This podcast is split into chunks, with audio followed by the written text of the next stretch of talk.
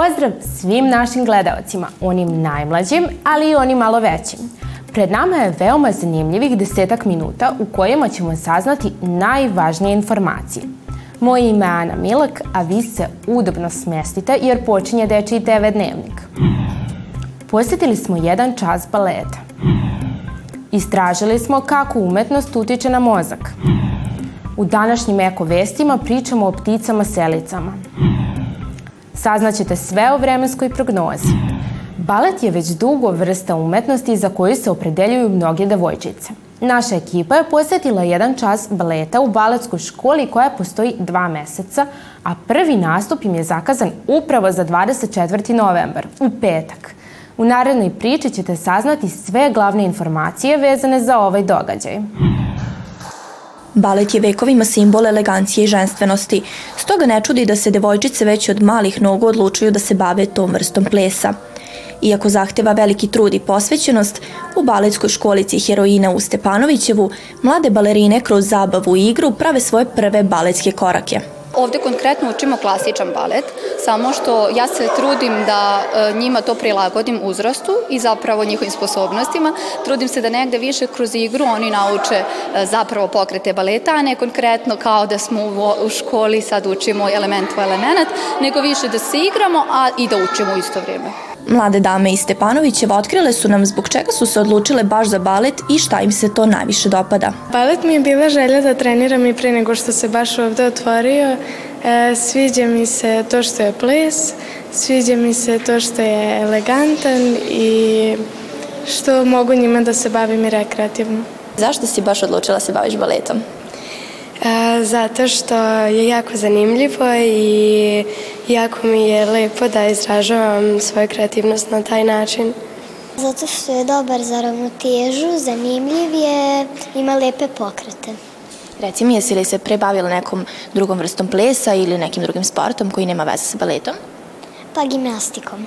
Kako je Stepanovićevo malo selo, veliki broj devojčica je zainteresovan da uči balet. Iz školice poručuju da su pozitivno iznenađeni odzivom dece.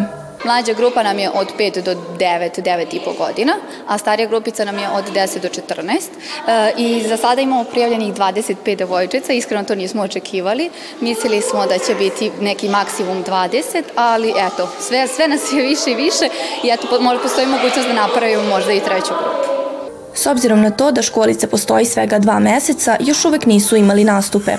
Prvi nastup je zakazan za 24. novembar, kada će nastupiti u osnovnoj školi u Zmajevu za dan škole.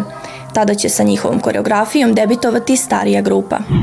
Pored razgledanja umetničkih dela, posetioci jednog muzeja u Londonu su imali priliku da dobiju izveštaj kako je njihov mozak reagovao na to umetničko delo. Svi mislimo kako je umetnost lepa, ali sada ćemo otkriti zašto zaista tako mislimo. Novi projekat u Londonskom muzeju kreiran je upravo kako bi nam pokazao šta se dešava u našem mozgu kada vidimo prelepe slike. Posetiocima su prikazana umetnička dela nekih od najpoznatijih umetnika na svetu, uključujući i Van Gogha. Mislim da svi znamo da se nešto dogodi kada gledamo u nešto što je lepo ili fascinantno, ali ovo istraživanje pokazuje šablon promene u mozgu gde se dogodi kada vidimo nešto što nas oduševi i inspiriše, a na taj način se stvara emocija. Nadamo se da ćemo postaći ljude da više posećuju muzeje i isprobaju i sami ovako nešto. Jedno od mnogih istraživanja koja su sprovedene na ovu temu pokazalo je da iako se 95% ljudi slaže da smatra da nam posete galerijama čine dobro, 40% njih ih posećuje manje od jednom godišnje. Mislim da je ovo sjajan način da se povežu dva sveta, nauka i umetnost. Ovaj naučni instrument koristimo kako bi pokazali ljudima da nauka i umetnost stvarno mogu da se spoje. Kada ugledamo nešto što nam se dopada u naš mozak se ispušta hormon dopamin, koji nas čini da se osjećamo sjajno i da budemo zadovoljni, tako da je to slučaj i sa ovim umetničkim delima. Ognjen Petković je saznao sve o jednom parku u Mađarskoj koji ptice još nisu napustile, iako je vreme za to odavno prošlo. Ovo je veoma čudna pojava s obzirom da su u pitanju ptice selice, pa hajde da zajedno poslušamo šta on ima na to da kaže.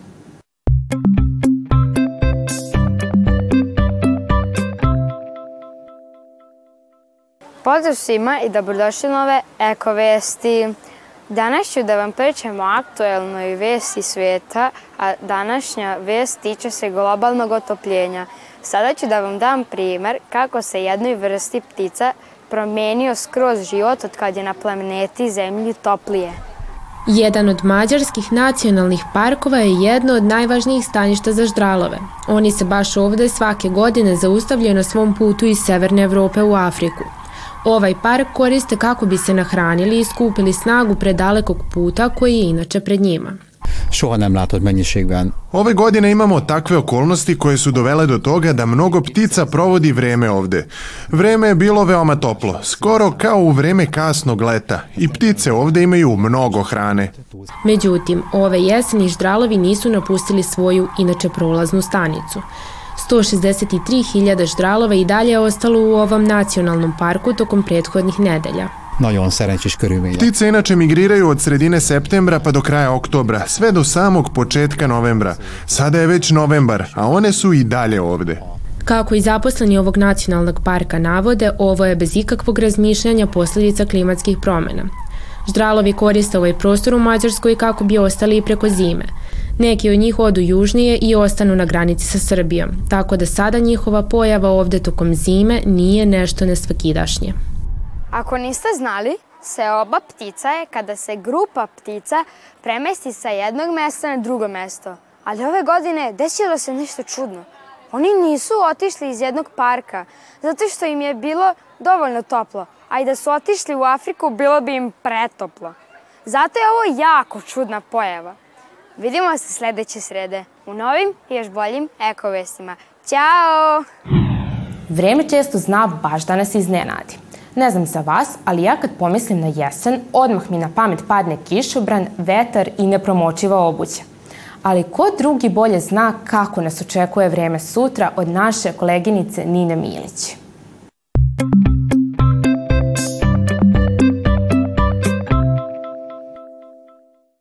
Pozdrav svima! Sutra možete očekivati puno oblaka. Ako ste prva smena u školi, očekuje vas i malo magle ujutru. Ali iz mojih pouzdanih izvora sam saznala da možda koji zrak zubatog sunca probije oblake.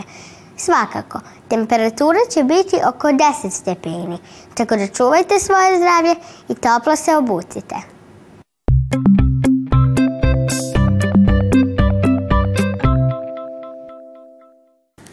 Hvala vam na današnjem druženju i što birate da baš sa nama provedete svoje veče.